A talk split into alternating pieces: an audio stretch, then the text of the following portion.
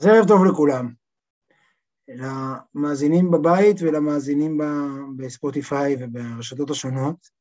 אנחנו היום בפרק האחרון של התניא בשמחה רבה, אה, אה, שמחים וגאים להקיף את הסיבוב הזה, ובעזרת השם נחזור בעונה שנייה, בעונה שלישית, סליחה, לשער האיכות והאמונה, אה, בשנה הבאה או באלול נראה, אבל עכשיו ככה ניכנס לפרק נ"ג.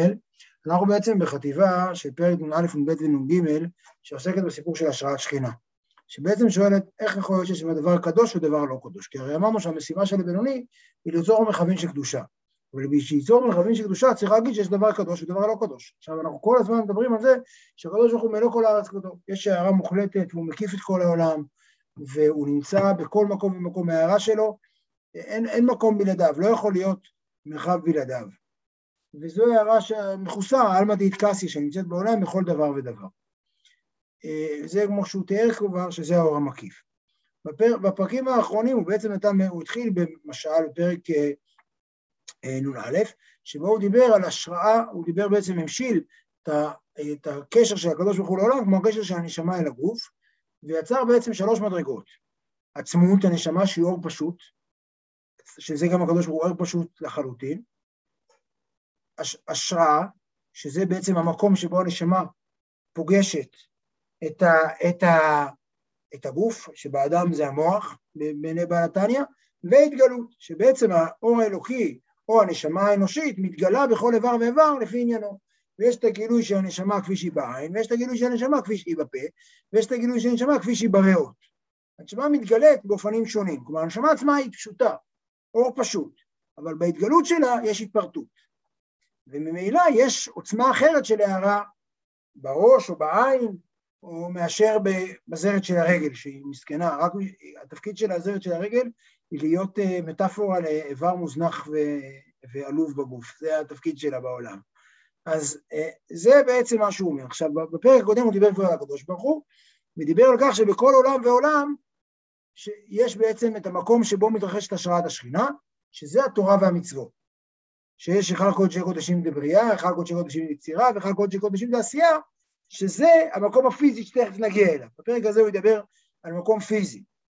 עכשיו, רק אני אגיד הערה, וממילא יש מקום, יש, התורה והמצוות הם המקום, הם לא מקום במובן הפיזי, אבל הם הצומת, הם ארון החשמל, במטאפורה של חשמל שהבאנו, שמזין את, ה, את, ה, את האור, את ההשראה של השכינה, של האם אתה טעה, של אם הבנים, יש לו שם מלא מלא כינויים, שכנסת, שבעצם זה כנסת ישראל, אמרנו שבעצם בצורה כזאת, שבעצם סוג של אה, אה משהו, ש, אה, סוג של צומת שכונס את כל ההערות מלמעלה בצורה של שעון חול כזה, ואז מוריד אותם חזרה למטה, בעצם הוא, אה, אה, ואז מתפרט חזרה, מתרחב חזרה, כלומר, הוא מצט... סוג של מקום שלוקח אה, כל האורות הגדולים מכל העולמות מצמצם אותם לצומת הזה, ואז משם מתרחב חזרה, מפיץ אותם, וזה כנסת ישראל שהיא כונסת,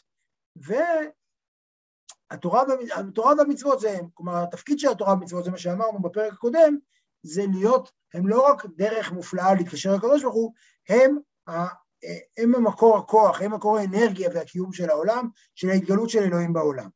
יש איזה, אני אגיד שני דברים שכבר, שבפרק הקודם רלוונטיים כבר, שלא אמרנו אותם בצורה מפורשת בפרק הקודם, הראשון זה שהקיום הרוחני של התורה ומצוות, שהיכל קודשי קודשים לבריאה, ונראה את זה בפרק הקרוב עוד פעם בעצם, בעצם השראת השכינה בתורה ומצוות קודמת למקום הפיזי.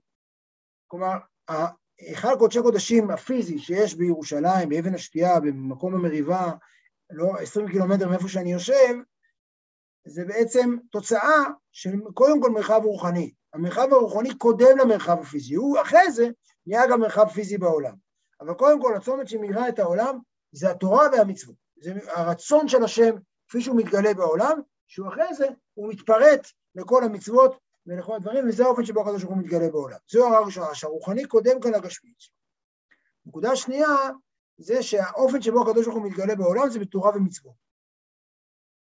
כלומר, עכשיו הדבר הזה, אנחנו יש לנו דימוי ותקווה שהקדוש ברוך הוא יתגלה אלינו באותות ומופתים, במופעי לייזר וזיקוקים, כמו במלך האריות, ההתגלות המופלאה של מופסה לבנו סימבה, מי שזכה לי, מי שזו תמונה שחקוקה לרבים מהצופים. אז לא כך, הקדוש ברוך הוא לא מתגלה, לא בנבואה, ולא באותות ומופתים, ולא בברקים. זה התגלות אחת, אבל מאז שיש תורה ומצוות בעולם, בעצם הקדוש ברוך הוא זה הרצון, ככה הוא מתגלה. בהקשר הזה, הפרקים האלה הם לא רואים בנבואה, בהתגלות אקסטטית, זה לא העניין. אגב, היה לנו פרק אחד חריג בעניין הזה, מי שזוכר את פרק נ' על עבודת הלוויים, הוא אומר משהו קצת אחר. אמרתי שהוא אחר, אבל עדיין, אה, אה, ליבת התעניה מדבר על זה שההתגלות של הקדוש ברוך הוא בתורה ומצוות. זה הדרך, זה ארון החשמל של העולם. ממילא התפקיד האדיר של האדם, ובזה סיימנו את הפרק הקודם, הוא זה שבעצם מנכיח את רצון השם בעולם. אין רצון השם בעולם בלי אדם שלומד תורה או מקיים מצוות. אין דבר כזה. וזה בעצם היה בפרק הקודם. הפרק הזה הוא ידבר אה, על בעצם, הוא יהיה פרק, אני חושב, פעם ראשונה היסטורי. כלומר, רוב הפרקים בתניא היו פרקים שהם א-היסטוריים, הם לא מדברים על תופעה, הם מדברים על התפקיד האדם באשר הוא, זה פרק שפעם ראשונה מדבר על איזושהי תופעה היסטורית, על תהליך מבית מקדש הראשון, בית מקדש השני והיום. זה יש לו שלושה שווים מבחינתו בעולם, ועליהם הוא ידבר, ובואו נראה את זה בתוך הפרק. הנה. אז גם הפרק הזה מתחיל במילה והנה, אני חושב שיש הרבה פרקים כאלה. והנה, כשהיה בית ראשון קיים, שבו היה הארון והלוחות בבית קודש הקודשים, הייתה השכינה שהיא מלכות האצילות, שהיא מבחינת גילוי אור אינסוף ברוך הוא, שורשה ומלובשת בעשרת הדיברות. כלומר, המקום, בבית, בבית ראשון נוצר מקום פיזי, שבו הקדוש ברוך הוא השראה את שכינתו. כלומר, אמרנו שיש עצמות, השראה והתגלות. אז המקום שבו הייתה ההתגלות, ההשראה התגלתה, זה בבית קודשי הקודשים. היה זהות, היה ארון, בתוכו היה לוחות, וכל זה בקודש הקודשים. אז השכינה שהיא מלכות באצילות, כלומר המלכות, הקיום של האור הגדול של עולם האצילות, שהוא כאילו נחשב האור אינסוף, אז הגילוי הזה היה שורה ומלבש דרך עשרת הדיברות, שהם כאמור רצון השם. אנחנו יודעים הרי מה כתוב שם, זה מצוות בסופו של דבר. אז זה בעצם היה המקום הפיזי. בי... עכשיו, זה לא רק זה ששם זה השורה, אלא זה היה ביתר שאת ויתר עוז, בגילוי רב ועצום יותר מגילויה בהיכלות קודשי הקודשים שלמעלה בעולמות עליונים. תכף נראה למה. אבל היה שם בעצם מין מקום פיזי שהוא היה לא בכלל מיקום אחר. באמצע העולם הגשמי שלנו היה מקום, בית ראשון, שהיה בו הערה שהיא מעל ומעבר לכל העולמות העליונים. כי עשרת הדיברות הן כללות התורה כולה. דנפקה מגו חוכמה אל עדי לעילא מעלמא דתגליה. כלומר, עשרת הדיברות האלה הם מבטאים את התמצית של התורה. ממילא האור הזה של התמצית של התורה הוא גבוה מכל האור בכל העולמות. זה מה שהתאפשר, זה מה שהיה אה, בבית ראשון. כלומר, דווקא בעולם שלנו היה הייצוג הכי עוצמתי, הווליום הכי גבוה. אגב, דווקא בגלל שהעולם שלנו יכול לסבול את זה, דיברנו על זה כבר כמה פעמים, שבעולמות העליונים לא ניתן, אי אפשר לסבול את ההערה המוחלטת הזאת, כי יש שם, מרגישים, יש שם, אין את השכבות אטימות שלנו יש, אנחנו מסוגלים שזה יהיה פה מאחורי וילון ולא, ולא נשתגע. וכדי לחקיקם בלוחות אבנים גשמיים, לא ירדה ממדרגה למדרגה כדי את העולמות עד העולם הזה הגשמי. כלומר, למרות שזה היה חקוק בלוחות גשמיים, זה לא עבר התאמה לעולם שלנו, כדרך השתלשלות העולמות. זה לא עבר צמצום והתאמה לעולם שלנו. כי העולם הזה הגשמי מתנהג בהתלבשות הטבע הגשמי. כלומר, יש לי סוג של התנהגות, יש חוקיות בעולם, של צמצום, של התאמה לחוקים הפיזיים. פה היה משהו שמצד אחד הוא פיזי, אבל הוא לא כפוף לחוק הטבע. איך, יש את המדרש הידוע, שהאותיות הסופיות בלוחות, בעשרת הדיברות בנס היו עומדים. מ' וס', כל האותיות שהן בעצם, הפנים שלהם, הרי אם הם היו חקוקות באבן מקצה לקצה, אז הבפנים שלהם היה אמור ליפול. אבל הם לא נפלו. זה עמד. ולא רק זה, אלא היה אפשר לקרוא את לוחות הברית מכל הכיוונים. אנחנו בדרך כלל מדמיינים משני הצדדים, אפשר לקרוא, כלומר זה לא היה כתב ראי למרות שזה היה מפולש. אפשר לדמיין את זה אפילו בארבע צדדים, אנחנו לא יודעים איך הלוחות היו נראים. דמיינו את זה בארבע צדדים. זה דבר שהוא, כלומר, מצד אחד זה פיזי, מצד שני זה לא כפוף לחוק הפיזי. זה כמו שהוא כותב כאן, והלוחות מעשה אלוהים המה, והמכתב מכתב אלוהים הוא. למעלה מהטבע של עולם הגזי הגשמי, הנשפע מהערת השכינה שבהיכל קודשי קודשים דעשייה. שממנה נמשך אור וחיות עולם העשייה, שגם עולם הזה בכללו. כלומר, הטבע הזה, שהוא בסופו של דבר, ש... הוא, הט... הוא הטבע של העולם, הלוחות הברית לא היו כפופים אליו. וזה מה שהניע, זה היה האור של העולם. כלומר, מצד אחד היה עולם פיזי גמור, מצד שני, נקודת השראה, השכינה של העולם, הייתה מעל ומעבר. זה אומר, המשמעות של זה, יש במשנה בסוף מסכת סוטה, מופיע על זה שכאשר אה, חרב הבית, ניטל טעם הפירות, ויש שם גם כן איזו השתלשלות היסטורית של ירידת השכינה, אנחנו חיים בעולם שבו הגשמי הוא אטום לחלוטין. אומרים שמה שכתוב שם שהיה טעם אחר לגמרי לפירות, שהעולם הפיזי היה לו כוח מאוד גדול, הייתה אש יורדת מלמעלה. אנחנו חיים בעולם שבו יש ניתוק מוחלט בין הקדוש ברוך הוא לבין הפיזיות. כאן הפיזיות זה הניע עולם שהפיזיות הייתה, השכבה של הפיזיות הייתה הרבה יותר דקה, הייתה הרבה יותר פריחה והיה לה יכולת להיות שברירית, אלא יכולנו עם קצת טיפה, טיפה איבוק וככה לגירוד, יכולת ישר מאוד מהר להגיע לתסיסה של האלוהות בעולם.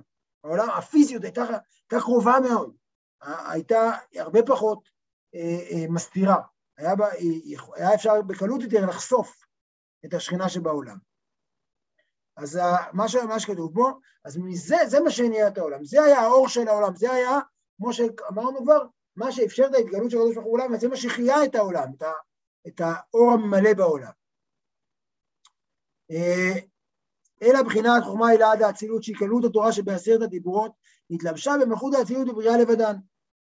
כלומר, הבחינת חוכמה הילה היא לא עברה גלגול וצמצום עד שהיא התאימה את עצמה לעולם העשייה, אלא היא נשארה באופן שמלכות האצילות ובריאה. עכשיו אני שוב לא אכנס למשמעויות של זה, דיברנו על זה טיפה, הפרק הקודם זה היה ככה טיפה כבד, מי שרוצה יכול לשמוע את ההקלטה עוד פעם, על התלמוד, על המשניות, היה לנו שם ככה הרבה עניינים, אבל התורה הזאת שהייתה בבית ראשון מצד אחד היא הייתה שגרירות של האורות הכי עליונים, ומצד שני היא לא הייתה בהתאמה.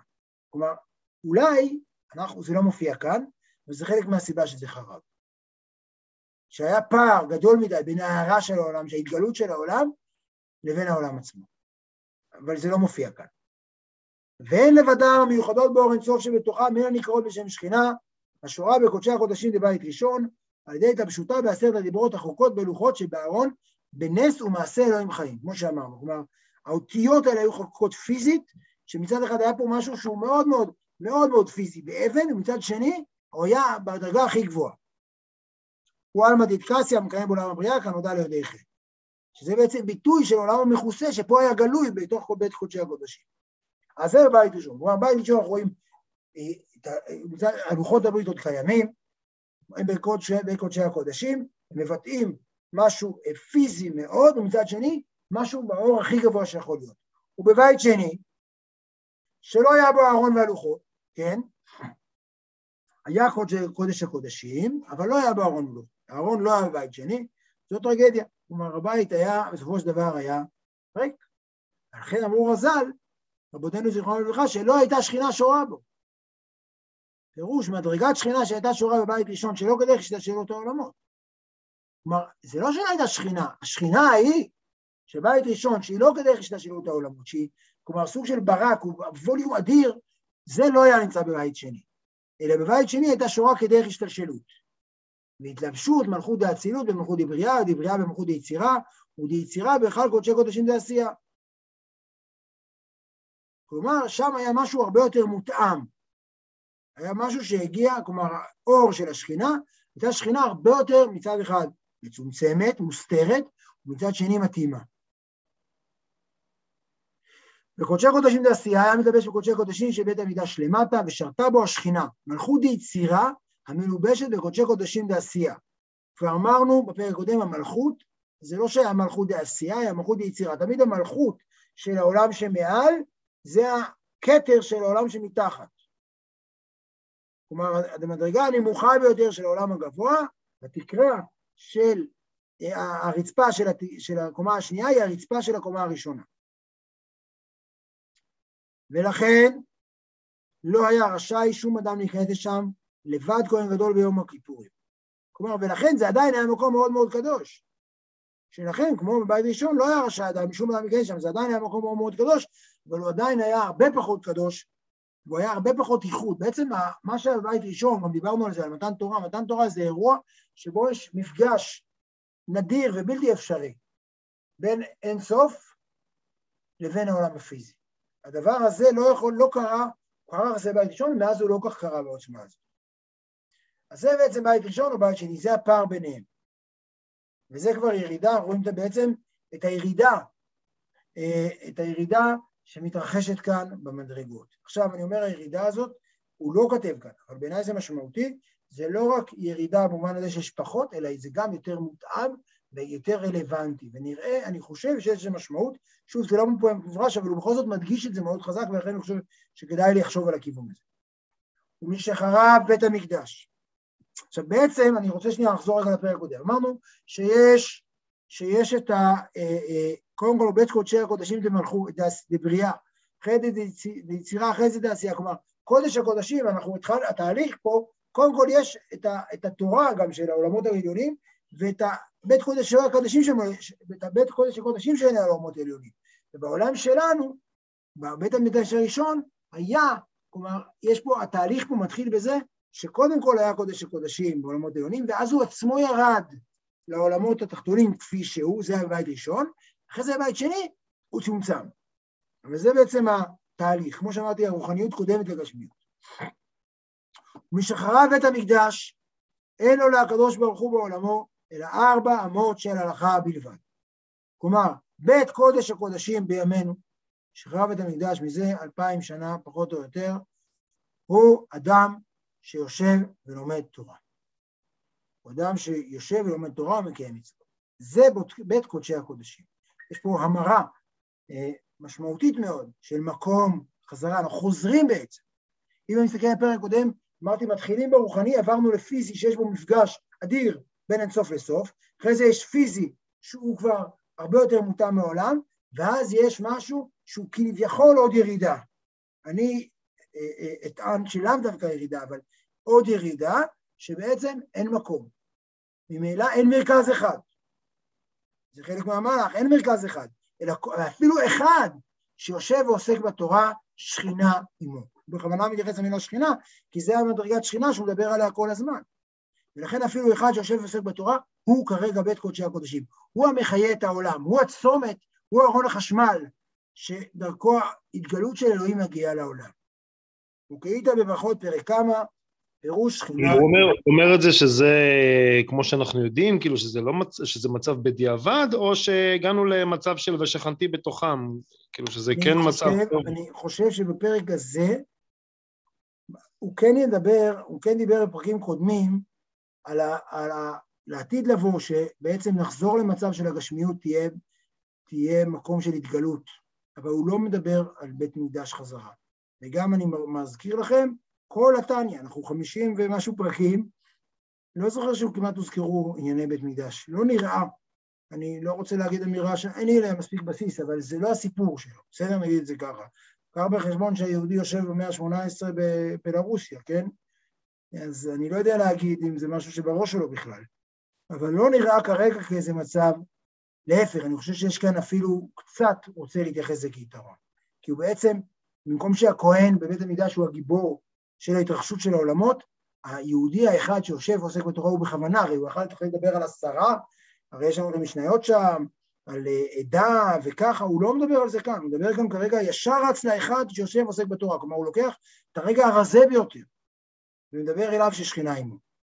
ולכן אני לא חושב שיש לו איזה, אה, כרגע כאן הוא מדבר על זה כבדיעבד, זה לא, יכול להיות שהוא, תשאל אותו אמיתית, יכול להיות שהוא יגיד שכן, אבל זה, הוא לא... יהודי, אותו יהודי שיושב מאחורי התנור וקורא קפיטל תהילים. בדיוק, ממש ככה, ולכן הוא יגיד שכינה עמו, הוא לא רק ששכינה עמו, תכף נראה, שכינה עמו, הוא אחראי על השכינה בעולם, הוא זה שגורם לשכינה להיות בעולם. השכינה זה לא רק שיש לו כרגע, כלומר שכינה, אין הכוונה הקדוש ברוך הוא איתך, אלא שכינה, אני זה שמאפשר לקדוש ברוך הוא לשכון בעולם, אני זה שדרכי יש אור של התגלות של השם בעולם. כדאית בברכות פרק כמה. פירוש שכינה עמו, כדרך השתלשלות והתלבשות מלכות האצילות במלכות בבריאה ויצירה ועשייה. כלומר, כאן אימו, שכאן אני חושב שהוא כן מדגיש את הרעיון שזה אימו, כי אני חושב שבית קודשי הקודשים, בטח בית ראשון לא כל כך היה אימו, אלא היה באיזה רמה של ניתוק מהעולם, כי הוא באמת היה מעל ומעבר לעולם. וכאן זה כדרך השתלשלות עמוד, זה נהיה, כלומר, התורה, ההתגלות של קודשי הקודשים נהיה יותר ויותר מצומצם, אבל יותר ויותר רלוונטי ומותאם. ואני חושב שיש איזה כוח, יש איזו חש... אמירה חשובה בהקשר הזה, שכלומר, התורה מצד אחד ירדה, ומצד שני יותר רלוונטית, ולכן אולי את זה אגב אי אפשר להחריב. בית ראשון אפשר להרחיב, את בית שני אפשר להרחיב, את הבית הזה אי אפשר להרחיב, את, את, הארון חשמל הזה, הוא כבר לא ניתן להרחבה כי הוא, הוא שלנו, הוא כבר לא תלוי בשום דבר אחר. אנחנו לא צריכים שום דבר בשבילו. אבל אני יוצא קצת כזה, קצת גלותי, נכון? כשאני מקדש את ה... זה, אז אני לא בטוח מאה אחוז שזה כוונתו, אבל אני חושב שזה כן נמצא כאן. פירוש שכינה עמו כדרך שתשאלות התלבשות מלכות האצילות במלכות עברייה ויצירה ועשייה עד עשייה. כי תרי"ג מצוות התורה, רובן ככולם הן מצוות מעשיות, כלומר הן מדברות על העולם שלנו, הן רלוונטיות אלינו. וגם התלויות בדיבור ומחשבה, כמו תלמוד תורה וברכת המזון וקריאת שמע ותפילה. הקיים עלן, זה דיברנו הרבה פעמים, דהרהור לאו כדיבור דמי, ואינו יוצא ידי חובתו בהרהור וכוונה לבד עד שיוצא בשפתיו. וקיים עלן דחימת שפתיו אב ומעשה. הייחודיות של המצוות בעולם שלנו זה שהם מעשים, וגם המצוות הרוחניות של תלמוד תורה, ברכת המון, קריאת שמע ותפילה, צריך לעקם את השפתיים, צריך, לה... שהגוף הפיזי, צריך להזיע בהם, צריך להשקיע בהם אנרגיה, קלוריות צריכות להישרף בתלמוד תורה, ברכת המון, קריאת שמע ותפילה. צריך שיקרה שם איזה משהו בעולם הפיזי בשביל שכוחות פיזיים יהיו בזה. זה חלק, וזה התאמה של התורה לעולם שלנו. ותרי"ג מצוות התורה עם שבע מצוות דה רבנן, תכף נגיד מה הן, בגימטריה כתר, שהוא רצון העליון ברוך הוא המלובש בחוכמתו יתברך, המיוחדות באור אינסוף, ברוך הוא בתכלית הייחוד.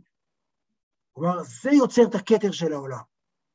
אמרנו שהמטרה היא בעצם, הכתר זה סוג של המקום שבו שורה השכינה, זה יוצר את הכתר של העולם, שהוא מה שכמו, כמו שכתוב, שהוא רצון עליון, מלובש בחוכמתו יתברך, המיוחדות באור אינסוף, כלומר זה לא איזה משהו שהוא רחוק, ש, ש, שהוא אה, אה, בלי הקדוש ברוך הוא, הוא להפך, הוא נמצא בעולם, אה, והוא הוא, הוא, הוא מאפשר לה אינסוף, אור אינסוף להיות בעולם בתכלית האיכות.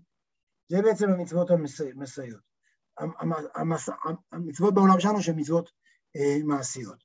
השבע מצוות של דרבנן זה מצוות שהן אה, בעצם, אה, יש על זה כל מיני דיונים, אבל בגדול זה ברכות, נטילת ידיים, עירובין, הלל, נר שבת, מגילה וחנוכה. שאלה מצוות שמברכים עליהן, אגב, מצוות רבנן, אני, יכול להיות שיש עוד, אבל בכל זאת, זה המצוות, שהן באמת הן עיקריות אגב, זה ברכות, נטילת ידיים, עירובין, הלל, נר שבת, מגילה וחנוכה, שזה מצוות שהן כאילו, שקיבלו מעמד מיוחד בתוך מצוות רבנן, כי הן גם לא, אגב, הן לא פירוש של מצוות קודמות, הן לא איזשהו פירוש של מצוות דאורייתא, הן לא הרחבה של מצוות דאורייתא, אלא הן... תולדות בשבת. לא, אז תולדות בשבת זה פירוש של מצוות ה... של המצוות, אה, של המצווה של, אה, של שמירת שבת. אלה מצוות שיש להן בעצם קיום הערה נפרדת. ובעצם המצוות הללו אה, הם הכתר של העולם שלנו. הם בעצם, כאשר אדם מקיים את המצוות, הוא הקודש הקודשים. הוא לא, כאמור, הוא לא רק עושה טוב על נפשו, שזה כבר מזמן, אנחנו מדברים על זה כבר הרבה מאוד פעמים, וזה פרק הזה זה מאוד משמעותי, הראייה ההיסטורית של התפקיד של האדם המקיים מצווה ולומד תורה כיום, זה התפקיד שלו בעולם, הוא קודש הקודשים של העולם. והשם בחוכמה יסד הארץ, היא תורה שבעל פה דנפקה מחוכמה אלה, כמו שכתוב בזוהר, ואבא יסד ברתה. כלומר, אבא עשה את הבת, כלומר, גם התורה שבעל פה היא חלק, היא, היא חלק מהדבר הזה, ולא רק תורה שבכתב, היא חלק מההערה של הכתר בעולם שלנו. וזה, הנה, אנחנו עכשיו ניגשים לפסקה האחרונה, וזהו שאמר הינוקה. משל התינוק, אנחנו הולכים איתו כבר מפרק אה, ל"ז לדעתי, ודיברנו עליו גם בפרקים האחרונים. דנהורה הילה דאדליק על רישה, ושכינתא, יצריך למישחה. כלומר, האור העליון שדולק על הראש הוא השכינה, צריך לשם. כלומר, דיברנו על זה שיש משל שיש אדם שהוא הפתילה, הגוף הפיזי זה הפתילה, והאש זו ההתגלות של אלוהים בעולם, וצריך שמן, שבעצם צריך, אני אגיד את זה ככה, הוא עכשיו לדבר על זה הרבה, צריך לשרוף משהו, צריך פה לתת איזה כוח להעביר משהו, בעצם לעשות לו המרה מחול לקודש, מקליפת נוגה לקדושה. וזה אה, השמן. פירוש להתלבש בחוכמה הנקראת שמן משחת קודש, כמו שכתוב בזוהר. כלומר, הדרך, צריך שמן שהוא בשביל שהחוכמה תהיה בעולם. וינון ובדין תבין, מעשים טובים, הם תרי"ג מצוות הנמשכים מחוכמתו יתברך, כדרך לאחוז אור השכינה בפתילה. היא נפש החיונית שבגוף הנקראת פתילה על דרך משל. כלומר, הגוף הפיזי עם הנפש החיונית, זה הפתילה שבאמצעותה, שבה שורה אור השכינה, באמצעות זה שאנחנו אה, שורפים משהו. ואנחנו שורפים על ידי השמן, את מה אנחנו שורפים? את הפתילה. כי כמו שבנר, הוא לא, הוא, הוא הולך לנו עכשיו לאחד הדברים שהיו לנו קשים קצת בספר, והוא מסיים בזה. כמו שבנר הגשמי, האור מאיר על ידי כיליון ושרפת הפתילה הנהפכת לאש. כך אור השכינה שורה על נפש האלוהית על ידי כיליון נפש הבהמית והתהפכותה מחשוכה לנאורה וממיר ולמיתקה בצדיקים, או לפחות על ידי כיליון נבושיה של מחשבה, דיבור ומעשה והתפתחותם מחושך לקבוע לאור אינסוף לאור השם מזוב ברוך הוא, המלובש ומיוחד, עוד רגע נחזור, אל תדאגו, המלובש ומיוחד במחשבה, דיבור ומעשה שתראה מצוות התורה בבינונים. כלומר, בעצם הוא אומר שבשביל, אנחנו אמרנו שאנחנו מקיימים מצוות בעולם, זה מה שמוריד ההתגלות של השם. ההתגלות הזאת היא קורית על ידי אה, בעצם אה, שאנחנו שורפים משהו. אש, שזה, שזה המטאפורה המרכזית שלו להערה של השם בעולם, היא בעצם צריכה לשרוף משהו, היא צריכה בעצם, נגיד את זה כאן, לבוא על חשבון משהו. אה, וזה על ידי כיליון ושרפת הפתילה.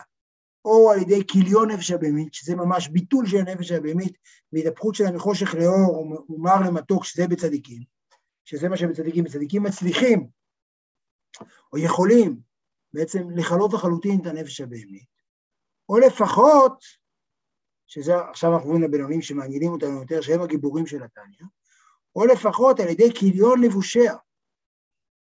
הרי אמרנו שאתה לא, הבינוני לא יכול לשנות באופן משמעותי את ה... הבינוני לא יכול לשנות באופן משמעותי את הפנימיות שלו. הוא יכול רק את הלבושים, הוא שולט רק על הלבושים. מחשבה, דיבור ומעשה. שם הוא יכול לשלוט ולהגיד, אמנם בפנים יש לי קליפה, אבל במחשבה, דיבור ומעשה, אני לחלוטין, אה, אני מכלה אותם, את הלבושים שהם נשית רעך, ומקדיש את כולם לקדוש ברוך. וזה מחשבה, דיבור ומעשה, שבהתהפכותם מחושך הקליפות לאור השם אינסוף ברוך הוא, מלובש ובמיוחד במחשבה דיבור ומעשה שתרג מצוות התורה בבינונים.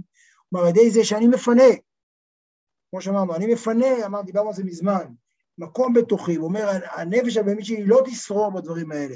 אני נותן לקדוש ברוך הוא מרחב ריבוני בתוכי, וממילא בעולם כולו. ונותן את תרי"ג מצוות לשרות. זה בעצם האופציה שבאמצעותה השם מאיר בעולם. כי על ידי התהפכות נפש הבהמית הבאה מקליפת נוגה, מחושך לאור וממר למתוק. כי בעצם נעשה בחינת העלאת מים נוקבים. כלומר, אנחנו בעצם מעוררים מלמטה, אנחנו שורפים קצת מה שאנחנו בעולם, והקדוש ברוך הוא מתעורר בתמורה וממשיך אור השכינה בבחינת גילוי אור אינסוף ברוך הוא, לנפשו האלוהית שבמוחין שבראשו. כלומר, בתמורה אנחנו, בעצם הוא, הוא חותם כאן את הספר, אגב, לא באיזה, אני לא חושב שהוא עושה שם, הוא עושה פה סיום כזה, בפיניש אדיר, אה, אה, שסוחף אחריו במחיאות כפיים, זה לא הנקודה שלו באיור, אבל בעצם הוא כן אומר כאן אמירה מאוד גדולה, שבעצם המצוות שאנחנו מקיימים על עצמנו, על ידי זה שאנחנו שורפים, חוזר, חוזר לפרקים הראשונים שהיו לנו קשים לעיכול, שאנחנו שורפים את הנפש החיונית שלנו, מוותרים חלק מהאישיות שלנו, ונותנים לקדוש ברוך הוא לשרות, את ה... מפנים את הרצון שלנו בשביל הרצון שלו, שזה אנחנו, זה הבינונים. הרצון שלנו והרצון שלו אינו עומד, ב... ב... זה לא אותו דבר. אנחנו מפנים והולכים אחורה, ואז הקדוש ברוך הוא שורה בעולם. כאשר אנחנו מקיימים מצוות ולומדים תורה, הקדוש ברוך הוא שורה בעולם, ויש לזה תפקיד לעולם כולו. וזה ממשיך אור השכינה על נפשו שבמוחין שבראשו, זה ממשיך, הקדוש ברוך הוא ממשיך עלינו עוד, ויש לזה תפקיד היסטורי בעולם בעצם, זה בעצם מה שהוא אומר בפרק הזה, לכן זה פרק היסטורי, הוא מדבר על הבית ראשון, בית שני, והמצב הנוכחי, שהוא בעצם אה, אה, בגלות, שבא בעצם אה, בחורבן הבית, שבא בעצם אין לנו לקדוש ברוך הוא ידע לעולמות של ההלכה. ובזה יובן היטב מה שכתוב, כי השם אלוהיך אש אוכלהו, כמו שנתבהר במקום אחר. בסופו של דבר, דימוי שאיתו מסיים, פסוק שאיתו מסיים, הוא פסוק אה, לא קל, הוא פסוק עם מימד של אלימות, כי בסופו של דבר אנחנו במלחמה. נזכיר לכולנו שהתניא, כל הדרך, דיבר על מלחמה, והמלחמה הזאת, בפרקים האחרונים קצת שכחנו ממנה, כי הוא עסק יותר במה קורה לאדם שהוא מקיים מצווה, ופחות בשאלה על המלחמה. בסופו של דבר יש כאן מלחמה של משחק סכום אפס, שאו שיש אש אוכלה של השם, או שיש אש אחרת. ויש ברגע שאתה נותן מרחבים של הקדוש ברוך הוא לשרות, באמצעות זה שאתה לומד תורה, מקיים מצוות, עוד ועוד ועוד, אתה מכניס את הקדוש ברוך הוא לעולם, ויוצר כאן שינוי גדול מאוד. אבל שוב, הרעיון הבסיסי כאן, זה לא בשביל שאתה תתקדם רוחנית. לא מעניין אותי שאתה תתקדם רוחנית, זה לא הנקודה, אלא התפקיד של זה בעולם. ואתה יוצר לפיד גדול, אתה נהיה בעצמך לפיד גדול שמאיר את האור של השם בכל העולם. אתה מוותר על האש, אתה, אני חושב שאתה מאיר דרך, דרך האישיות שלך כמובן, דרך היכולת של המצוות הספציפיות שלך לקיים, אבל בסופו של דבר אתה נהיה לפיד גדול שמאיר אה, בחזרה את האור אה, בעולם. זה מה שאתה עושה, אתה מאיר את אור השם בעולם, אתה הלפיד, אני אגיד, אתה, לא, אתה הלפיד, אתה הלפיד היחידי, אתה היחיד שיכול להאיר את הקדוש ברוך הוא בעולם. וכמו שנתבהר במקום אחר, שזה, ככה הוא מסיים כמובן, שילך תחפש את המקומות האחרים שאני בהם, אבל הרעיון הבסיסי בעצם אנחנו בעצם מסיימים את המהלך של התניא, שהמשל של הינוקה באמירה של, הוא מחזיר אותנו למלחמה, שדיברנו עליה המון בחלק הראשון של התניא, ועל המשחק סכום אפס בין אני לבין אלוהים. הוא אומר שברגע שאתה תפנה מקום בתוכך, אתה תהיה בעצם, תדליק עוד נר ועוד נר ועוד נר ועוד נר ועוד נר, כמו שנדבר במקום אחר, משלם חלק ראשון בעזר השם יתברך ויתעלה. שבעצם אני חושב שאחד הדברים, אני לוקח שנייה, יכול לסכן את הפרק הזה, לא את כל התניא, נעשה את זה בעזרת השם אה, עוד פעם, נמצא אז עם חביבה או בלי חביבה אולי גם נעשה, אבל מה שלא יהיה, אני חושב שיש כאן אה, את ההעתקה באמצעות הדימוי שלו לבית המקדש, הוא משלים את ההעברה המוחלטת מהשאלה של אני עושה את עבודת המידות ואני מתקדם בעבודת השם. לכן אני מדוכדך כי אני לא מתקדם בעבודת השם, כי אני בינוני, כי אני לא מצליח לשנות את עצמי. והופך את זה, עושה שני דברים. א', הוא אומר, כל מה שאתה קיים מצווה, זה לא בשבילך, אתה עושה אירוע היסטורי, וב', שרק אתה מסוגל לעשות אותו. כי רק אתה אחוז בעולם. כי גובה האש נקבע לפי, הגובה ש... לפי העוצמה של הדברים שאתה שורף. הצדיק לא שורף הרבה. הצדיק אין לו הרבה מה לשרוף, אין לו הרבה. אנחנו הבינוניים, דווקא בגלל שאנחנו משוקעים בעולם. והעולם הפיזי הוא המקום האמיתי שלנו, דווקא בגלל זה הבינוני הוא היחיד שמסוגל ליצור אור בווליום כזה בעולם. יש לו תשוקות, יש לו חשקים, יש לו דחפים, יש לו עניינים עם העולם. ולכן הוא יכול ליצור את האש הגדולה בעולם, והוא זה שיכול ליצור את האש הכי גדולה בעולם, וליצור בעצם את הנוכחות של אלוהים בעולם, שתלויה אך ורק באוסף של בינוניים, שיש להם מיליון דחפים ועניינים ושטויות בראש. רק הם בעצם יכולים ליצור, ליצור בצורה הכי משמעותית גדלות של השם בעולם. זה בעצם הרעיון שלו, שהבינוני הופך להיות מיצור בעייתי, מבאס מאוד, הוא מדבר הרבה מאוד על הדכדוך של הבינוני, אה, וסוג של אה, אה, תמהיל בלתי נסבל, הוא הופך אותו להיות הגיבור של האלוהות בעולם, וזה שמסוגל בעצם לעשות את הדבר ההיסטורי שבשבילו נברא כל העולם. בשבילו כל הצמצומים שהוא פירט אותם בכל מיני פרקים בהרחבה, אתם בטח זוכרים, פרקים מסובכים כאלה, כל הצמצומים של העולם הוא עשה בשביל הרגע הזה שיהיה איזה בינוני בקצה של העולם, שיחזור ויגיד, אני בא אליך עם כל הכוחות שלי, עם כל, כלומר, כמו שמרימים עץ עם, עם האדמה שסביבו, ככה מרים את הבינוני, הוא מדליק, הוא מרים איתו את כל הכוסות קפה שהוא שותה באהבה, את כל החשקים שלו, את כל הרכבים שהוא אוהב, כל הדברים שיש לו, הוא מרים, מרים איתו להשם, ויוצר מציאות של נוחות בעולם, וזה הכוח של בינוני, שמצד אחד הכוח שלו, הייחודיות שלו, ומצד שני הכוח שלו בעולם, ולא מעניין אותי. כלומר, לא מעניין את התניא, שמה שיש בתוכו, ושהוא לא מזדהה עד הסוף, ולהפך, זה שהוא לא מזדהה עד הסוף, יוצר אצלו גם את המחויבות ואת החיבור הפיזי לעולם שמאפשר לו להשפיע בעולם. עד כאן, שלם חלק ראשון בעזר השם יתברך ויתעלה, אנחנו נעשה כאמור עוד מפגש. אני, אמ, שנייה אחת, הפוגה שנייה רגע. רציתי לקרוא לכם אה, פסקה של, ה, של הסיכום של הרב שטיינזלץ, אני חושב שמגיע לו, אני מזכיר שהלימוד שלנו התחיל עם קצת אחרי פטירתו, עילוי נשמתו של הרב שטיינזלץ, אני רציתי לקרוא לכם אה, אה, טיפה מהדברים שהוא כותב כאן, אה, כמה משפטים, רגע אחד. אה, שנייה אחת.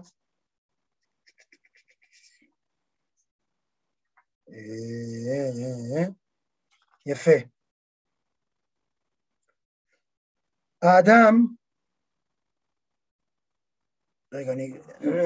דבר השם מדבר את העולם ומדבר אל העולם. דבר השם מדבר את העולם ומדבר אל העולם. והתכלית היא שהעולם יענה. ובמענה הזה שעולה מתוך העולם עסק חלק זה של ספר התניא. מי הוא זה שעונה? העולם אינו עונה. כי העולם הוא בעצמו חלק מהדיבור האלוהי. אף כל יצורי עולם אינם עונים, שאף הם חלק מטבעו של העולם. דבר מהדיבור האלוקי. היחיד שיכול לענות הוא האדם. המדבר שבבריאה. האדם שנפשו האלוהית היא גבוהה כל כך אצל הקדוש ברוך הוא, והוא נמצא רחוק כל כך, הבינוני. בסתר ובמחשך הגוף והנפש הבהמית, שאינו רואה כלל את האור האלוהי ואינו שומע כלל את הדיבור הבורא סביבו את כל העולמות. הוא יכול לתת מענה לדיבור האלוקי. ואדם זה שעונה, שהולך ומדבר מתוך חייו ומתוך עולמו, הוא הבינוני של ספר התניא. אני אקרא עוד פסקה שהיא בעצם המשך של אותו דבר, הקדוש ברוך הוא מדבר אל העולם, מדבר אליו ומדבר אותו. והעולם החשוך והאטום בולע את הדברים ואינו משיב. בכל יום ובכל שעה, הקדוש ברוך הוא ממשיך ומדבר, וממשיך וקורא כי הוא מחכה לתשובה. וכאשר מתוך החושך מבזיק האור, אף שאינו מרשים ואינו ניכר, הוא אינו האות למי שמחכה לו. לומר שיש שם מישהו, לומר שלא היה לשווא כל זה, ואפשר להמשיך. והרי למרות הקושי, למרות האפרוריות שאפילו בניצחונו, דווקא הבינוני הוא זה שבכל רגע ורגע של חייו ומאבקו, הוא זה שמדליק את נר השם נשמת אדם. כלומר, זה בעצם ההצלחה של הניסוי הגדול שהקדוש ברוך הוא בעולם, הוא היחיד שיכול לענות לקדוש ברוך הוא ולהחזיר לו, להגיד היה שווה כל זה. זה בעצם הרעיון, זה בעצם מה שהוא מציע. זהו, יישר כוח. נשלם חלק ראשון בעזרת השם, יתברך ויתעלה. אה, אני אשלח את הקטעים האלה גם בקבוצה, שנוכל, תוכלו גם לראות בעצמכם. אם הייתי מסודר זה בטח היה מוכן פה על המסך, אבל לא הספקתי לעשות את זה. זהו, אני אעדכן לגבי שיעור הסיום, אה, אם בכלל, ועד כאן, ורגע אני אעשה את זה ואת זה.